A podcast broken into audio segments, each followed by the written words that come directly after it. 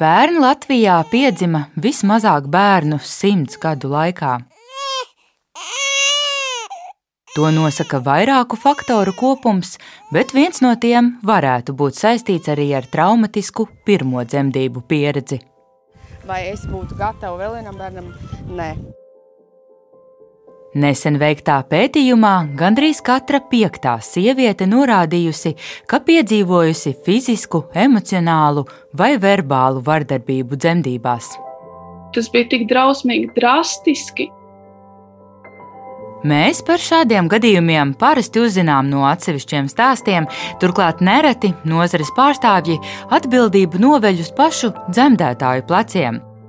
Procesu pārāk idealizējusi, nav bijusi pienācīgi sagatavojusies, par maz uzdevusi jautājumus. Šajās lietās viņi tur visi turās kopā kā tāds maziņš kamuls, un viņi viens otru piesaka visu laiku. Kāpēc neizdodas pierādīt vardarbību dzemdībās, un vai jomā gaidāmi kādi uzlabojumi? Par to atvērto failu pusstundā stāstīšu es, Baiva Runce. Pirmā daļa - izdzīvošanas režīms. Pēc dzemdībām es vēl neko nesapratu. Man liekas, ka es vienkārši esmu slikta mamma. Nu jau divu bērnu mammu, veterinārā ārsti Lindu Gatiņu, pirmo reizi klātienē satieku vēl pašā vasaras pilnbriedā - uz kafiju. Pagājuši trīs gadi kopš viņas pirmajām dzemdībām. Pēc tām aizvadījusi ilgu atkopšanās posmu, sirgusi ar pēcdzemdību depresiju, līdz beidzot uzsākusi terapiju.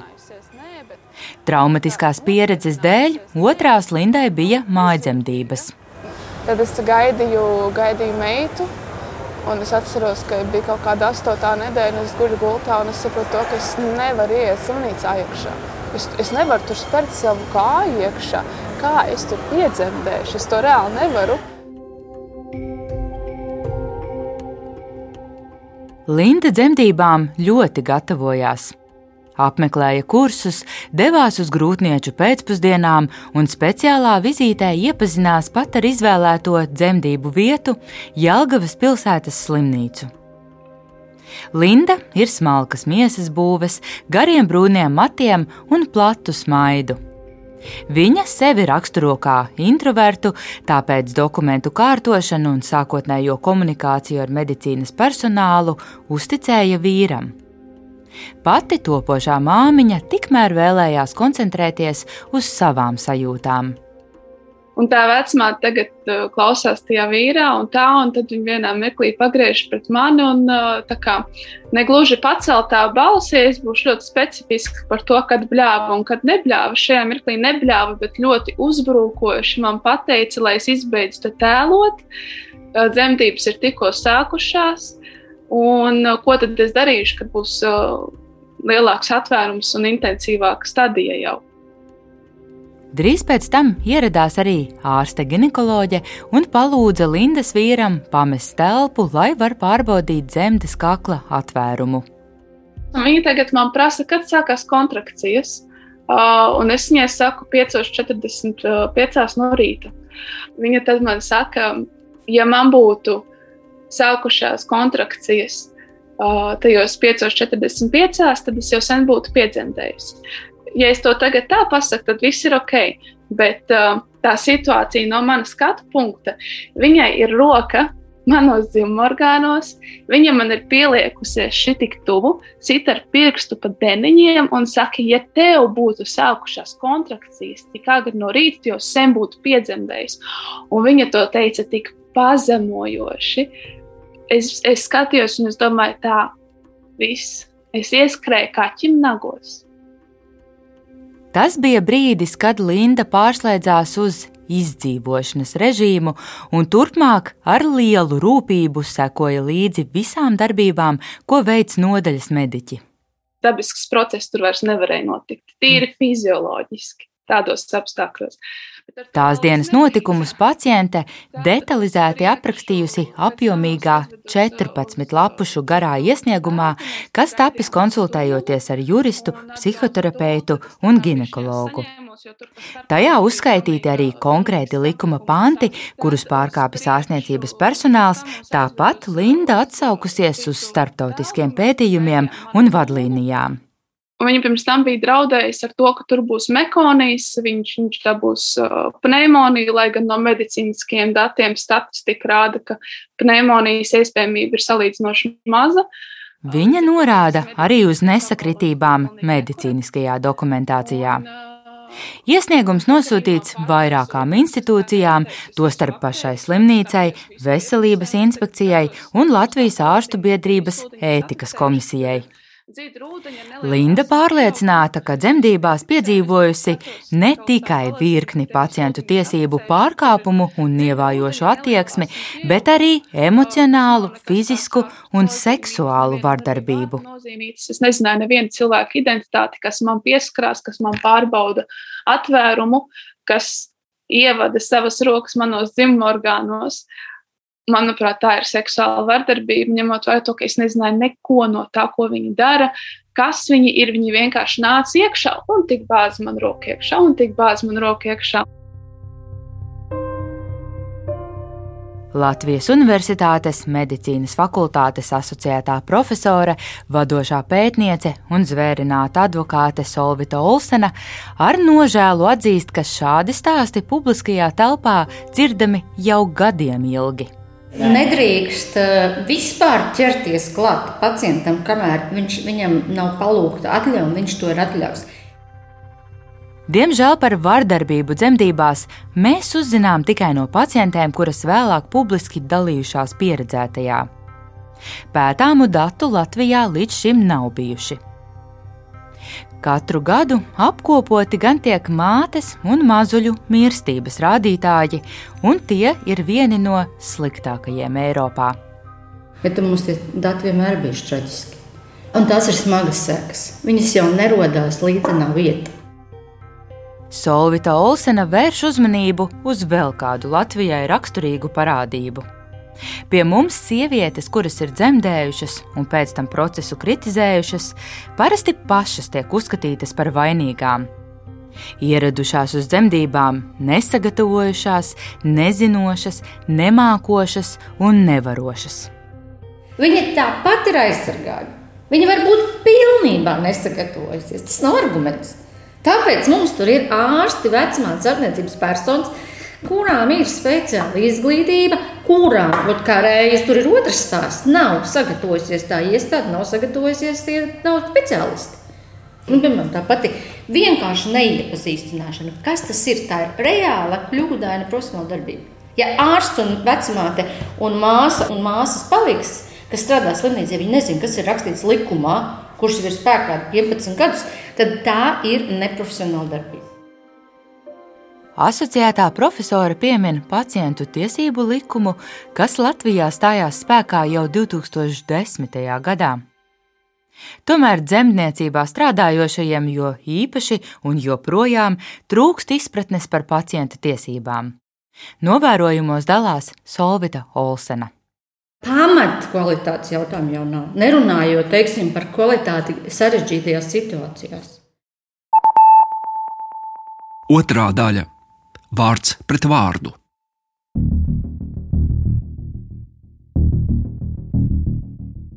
Linda Gatiņa dzemdībās bija pieaicinājusi dūlu, jeb atbalsta personu, kura sniedz emocionālu un praktisku palīdzību topošajai ģimenei. Ko tu te vispār dari, kāda jēga vispār no tevis šeit ir? Tu labāk būtu gājis prom, ko tu te visu laiku sēdi. Linda atminas, ka nievājoši komentāri no mediķu puses tika raidīti arī dūlas virzienā. Vēlāk, kad veselības inspekcijā jau bija sākta pārbaude, Linda iestādes speciālistiem jautāja, vai noderēs arī atbalsta personas sagatavots apliecinājums. Inspekcijā aicināja to iesniegt, lai gan, kā redzams tās slēdzienā, dūles teiktais tā arī netika ņemts vērā. Tāpat neizskatās, ka kāds ieklausījies arī pacientē. To spilgti ilustrē piemērs par placentas atdalīšanos. Tas bija tik drausmīgi, drastiski. Vecmāte aptina nabas saiti ap roku un ar visu svaru iekārās viņā iekšā. un, un izrāva ārā placentu no manis. Es skatījos, domāju, ka tas noteikti nav normāli. Turpinājumā fragments no dūles apliecinājuma. Varu liecināt, ka pēc bērna piedzimšanas vecmāte aptina ap savu roku nabas saiti un ar visu savu svaru atspiedusies pret dzemdētāju, bez brīdinājuma ar spēku izrāva ārā placentu. Netika dots laiks, lai šis process varētu notikt dabiski. Un kas par to teikts veselības inspekcijas atzinumā? Placenta ar apvalkiem un nabas saiti atdalījās un piedzima pēc desmit minūtēm kopš jaundzimušā dzimšanas. Placentas dzimšanai netika izmantotas jebkādas manipulācijas. Tā no dzemdes sienas atdalījās pati. Veselības inspekcija veicot ekspertīzi balstās uz ierakstiem personas medicīniskajā dokumentācijā un ārstniecības personu paskaidrojumiem. Kas pēc būtības ir viens un tas pats - ārsta versija par notikušo. Skaidrs, ka vardarbību neviens medicīniskos dokumentos nav ierakstījis komentē medicīnas tiesību eksperte Solvita Olsena. Ja jūs vedat administratīvo procesu, tad jums ir pienākums izmantot, ievākt visus pierādījumus par lietu. Nu, normāla pierādīšana ir jebkura normāla procesa jā, daļa, un tas tur tiek ignorēts un ignorēts un ignorēts. Veselības inspekcijas veselības aprūpes kvalitātes kontrolas nodaļas vadītāja Ilze Dzerkale joprojām rekomendē pievienot visa veida papildu pierādījumus, taču nevienmēr tie tiks ņemti vērā, viņa atzīst. Dūla nav ārstniecības persona, tāpēc nevar komentēt medicīniska rakstura jautājumus. Ja placentu izrauja ar spēku, tad būtu jāsāk asiņošanai. Bet sākās jau. Um, Bet dzemdībās taču arī ir asiņošana diezgan normāli parādīta. Uh, ir šis pieņemamais asiņu zudums katrās dzemdībās, protams. Lindas dzemdību vēsturē minēts, ka kopējais asiņu zudums nepārsniedz normu, taču viņa jau iesniegumā to apstrīdējusi, pamatojoties nevien uz saviem novērojumiem, bet arī asins analīžu rezultātiem. Tas nekas, ka divi cilvēki saka, ka tā ir noticis. Es eh, vēlos vēlreiz uzsvērt, tas ir no medicīniskā viedokļa, eh, ka šī situācija būtu attīstījusies citādāk, un viņa būtu bijusi citādāk, ja tas, ko iesniedzējs norāda tieši par šo jautājumu, būtu tā arī bijis. Rodas tāds jautājums, cik, cik jēdzīgi ir vērsties veselības inspekcijā. Cik jūs ļoti ņemat vērā to, ko tas pacients ir pateicis? Jebkurā gadījumā mēs to ņemam vērā. Protams, ir jautājums, kā mēs to varam izvērtēt. Jo, piemēram, teiksim, mēs bieži saskaramies ar to, ka šīs sūdzības nu, teiksim, pēc gada vai pēc pusotra gada um, nu, tiek rakstītas. Protams, tas ir saprotami, bet uh, tad ir jāsaprot arī to situāciju no tāda izvērtējuma ar tādu laika nobīdi pietiekami lielu kad mums ir jāskatās retrospektīvi šis jautājums. Linda Gatiņa stāsta arī par dzemdību noslēguma procesu, kad ārste izmantojusi kristālera metodi, kas Latvijā gan nav aizliegta, taču netiek uzskatīta par mūsdienīgas medicīnas sastāvdaļu. Tā izpaužas šādi. Manā gadījumā ārste ar elponi līdz dēlnu, ar šo daļu un ar visu svaru, tā kā to dara reslingā, strauji un pēkšņi uzleca man virsū. Jelgavas slimnīca noliedza kristālera paņēmiena pielietošanu, tā vietā ar plaukstu tika pieturēts vēders. Lindas dēls piedzima izmantojot vakuuma ekstrakciju. Bērnam bija hematoma uz galvas no vakuma, bērnam bija salauzts atslēgas kauls no medicīnas, kā tas ir šis te kauliņš. Labajai rokai, tāpēc viņš man vēl joprojām ir krēlis. No medicīniskā faktora, nu tā kā no medicīniskās puses, es nevaru apgalvot, ka tas ir tāpēc, ka viņas man gulās virsū. No cilvēciskā faktora, no cilvēciskā aspekta, es domāju, ka tas bija tāpēc, ka viņš tik brutāli tika no manis izrauts ārā. Un man tagad to bērnu uzliek virsū, un es nejūtu neko. Nu, tā, pilnīgi neko.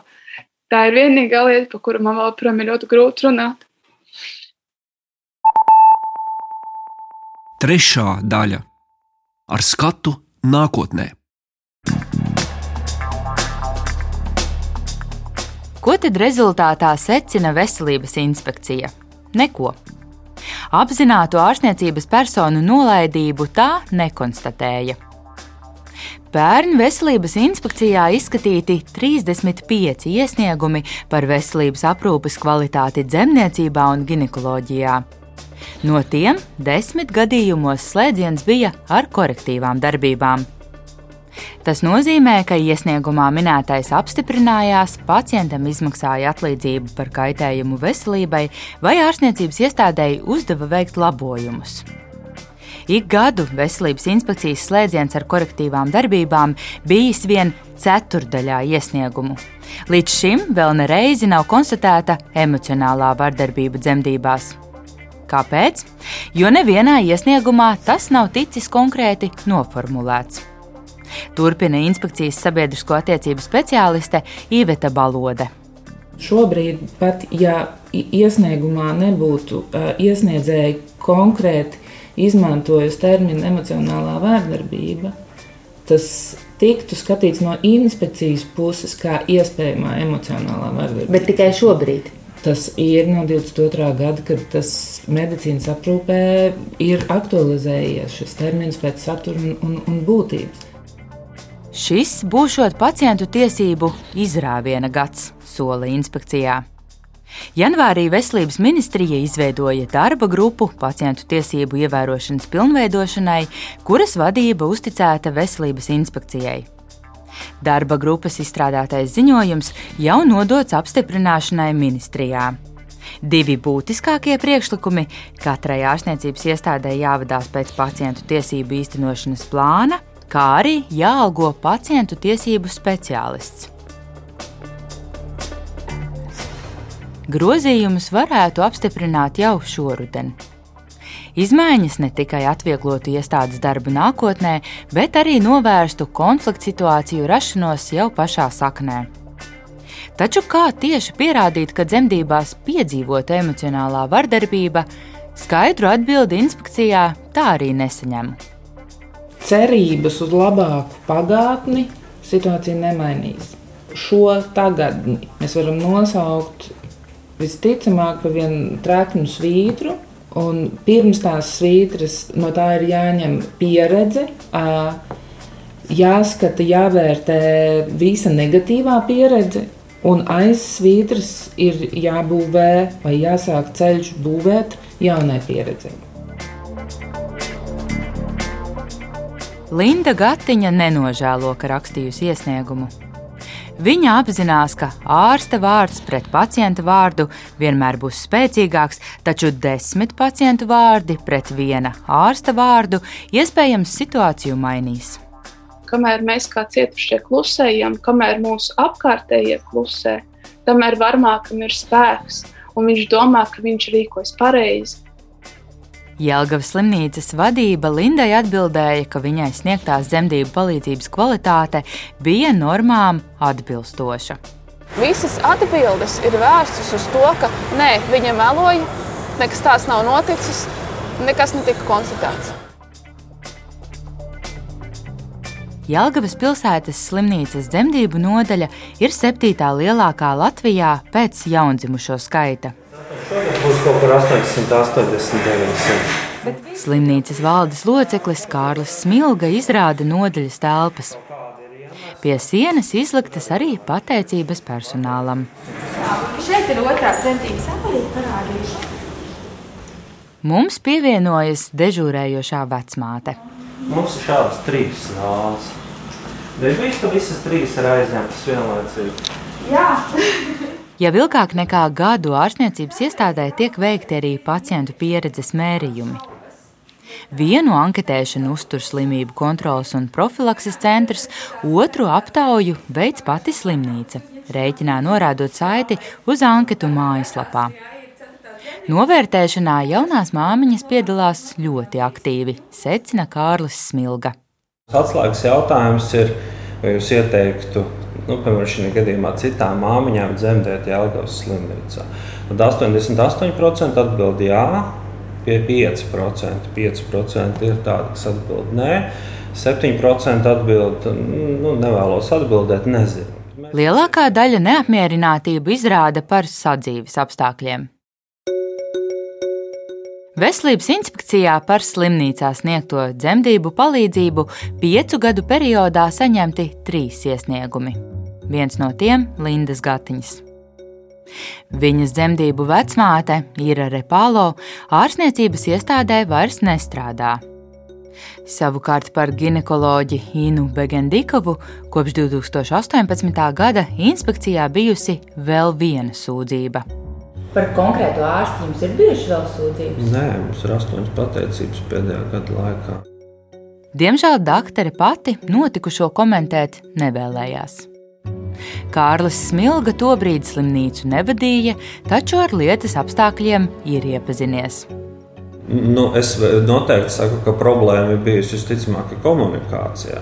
Nu, citādāk nebūtu tāds iesniegums. Citādāk nebūtu tāds iesniegums. Bija gan pirms komunikācija, gan pēc komunikācija, nu, ja, un arī tagad iespējams komunikācijas trūkums. Atbildes veselības inspekcijai gatavo slimnīcas klīniskā audita komisija, kas vērtē ne tikai notikušā apstākļus, bet arī procesus, kurus būtu jāuzlabo. Lindas Gatiņas gadījumā atbildes bija formālas. Piekrīt Kārlis Smilga. Jūs saprotat, juridiskais formālisms šajā gadījumā ir nepieciešams, un arī šī dialoga neveidošanās būtībā ir pamatot arī no bailēm no soda. Daktere uzskata, ka viņa neko nav pārkāpusi. Nu, šī gadījumā viņa to arī juridiski šeit pamato. Tāpēc ir izlaists šis posms, ko varētu darīt labāk. Pacientei arī ir tiesības redzēt ainu tādu, kādu viņa redzēja. Mums pret to jātiec cieņpilni un empātiski. Efektīva sūdzību un ierosinājumu sistēma ir tāda, kas nenonāk līdz uzraugošajām iestādēm. Un tā arī Jelgavas slimnīcā šobrīd risinot konflikta situācijas, kopīgi ar ārstu un pacientu meklējot kompromisu. Ceturtā daļa - smagais darbs.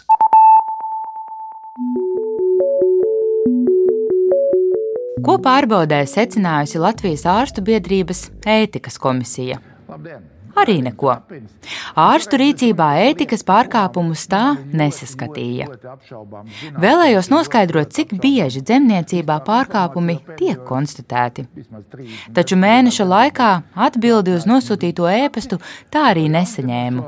Mēs runāsim par Latvijas dzemniecības un ginekoloģijas sistēmu un par to, ka viņi ir laba, skaista, gudra Sazvanu ētikas komisijas priekšsēdētāju ārstu Pēteri Apini, kurš par dzemdību palīdzības kvalitāti arī nesen diskutējis savā autorraidījumā.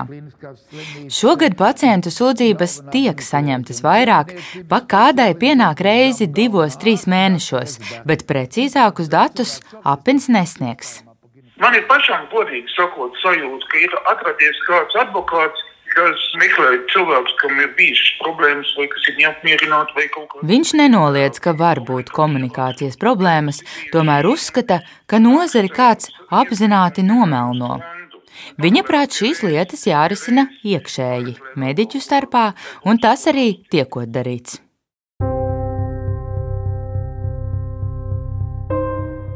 Vasaras sākumā tika sasaukta mātes un bērna veselības konsultatīvās padomes sēde. Jautāju padomes priekšsēdētājai, veselības ministrijas galvenajai speciālistei dzemniecībā, Dācē Rezebergai, vai tā bija nozares reakcija uz medijos aktualizēto diskusiju par vardarbību dzemdībās. Nē, tā bija kārtējā. Rezeberga ir arī Rīgas dzemdību nama galvenā ārste un Rīgas Stradiņu Universitātes dzemniecības un ginekoloģijas katedras vadītāja. Bet, nu, runājāt galvenokārt par šo jautājumu. Es saprotu, tāpēc, ka... Nu, tas, tas bija laikam ministra uzstāde. Nu, ministrs gribēja par to runāt. Profesori klātesošos iepazīstināja ar vēl nepublicētiem starptautiska pētījuma datiem par to, kā sievietes jutušās saņemot dzemdību palīdzības pakalpojumus pandēmijas pirmajos divos gados. Aptaujā vērtēti 40 Pasaules veselības organizācijas izvirzītie kritēriji. Tā piemēram, Latvijā aptuveni 60% dzemdētāju netika prasīta piekrišana pirms manipulāciju veikšanas. Vidēji 30% norādījušas uz neskaidru komunikāciju, tikpat daudzām netika sniegts emocionālais atbalsts, un gandrīz katra piektā saskārusies ar vardarbību. Rezeberga gan saka, ka uz citu valstu fona īpaši neizceļamies, ideāli nav nekur. Ideāli arī nevar būt, tāpēc ka tas viss ir skatīts no pacienta viedokļa. Un, um, noteikti mēs saprotam, ka dzemdību palīdzība ir ļoti specifiska medicīnas joma. Un dzemdības, protams, nav vienkāršs process. Tas ir saistīts ar dzemdību sāpēm, tas ir saistīts ar psihoemocionālu spriedzi, arī ļoti daudz fizisku spēku prasa. Un pacients reizēm arī to idealizē un sastopās ar um, tas, ko viņš ir iedomājies, kādas ir tās viņa expectācijas, ir viena lieta pret to, kā notiek viņas uh, dzemdības. Tomēr dzemdību speciālisti secina, labi, ka šāds pētījums ir veikts, jo tas palīdz saprast, ko tieši grūtnieču aprūpē būtu jāuzlabo. Viņa piemin Norvēģijas piemēru un viens pret viens aprūpi, kur katra vecmāte no sākuma līdz beigām ir atbildīga par savu konkrēto pacienti. Viņa vada dzemdību procesu, sniedz atbalstu un nodrošina pēcuzraudzību. Šeit uzreiz ir cilvēku resursu pieejamības jautājums. Mums ir pietiekoši vecmātes atalgojuma jautājums, ja mēs gribam, lai vecmāte būtu laipna un smaidīga un pievērstos. Viņa nedrīkst būt pārgurusi, jo faktiski šodien jau mēs visi, gan ārsti, gan vecmāte, gan māsas, strādājam vairākos darbos, lai nodrošinātu sev cilvēku cienīgu dzīvi. Ginekoloģi gan apzinās arī to, ka šie procesi ir sakārtojami pamazām un nospraustos mērķus varētu sasniegt vien ilgtermiņā. Lindas Gatiņas stāsts ir tikai viens no vairākiem, kurus uzklausīju. Māmiņas un arī tēvi šobrīd ir gatavi publiski apspriest dzemdības, jo pauž pārliecību, ka pārmaiņām jābūt jo ātrāk, jo labāk aptvērums bija eh, tajā brīdī 4 cm aptuveni, un viņš pilnīgi bez nekādiem jautājumiem, paskaidrojumiem vienkārši uh, pārdūra viņai augļūdeņus. Viņa man lika pašai izņemt to katedru. Viņa zināja, kur ir bērns un kā es pie viņa varu tikt, un ka es pie viņa varu tikt daudz ātrāk. Tas ir vienkārši tāds rupšs, uzdevums man. Ja man kaut kas nepatīk, es varu vērsties veselības inspekcijā. Taču par šīm pieredzēm stāstīsim citreiz. Raidījumu veidoja Baiva Runce, Filips Lastovskis un Reinis Budze. Atvērtie faili!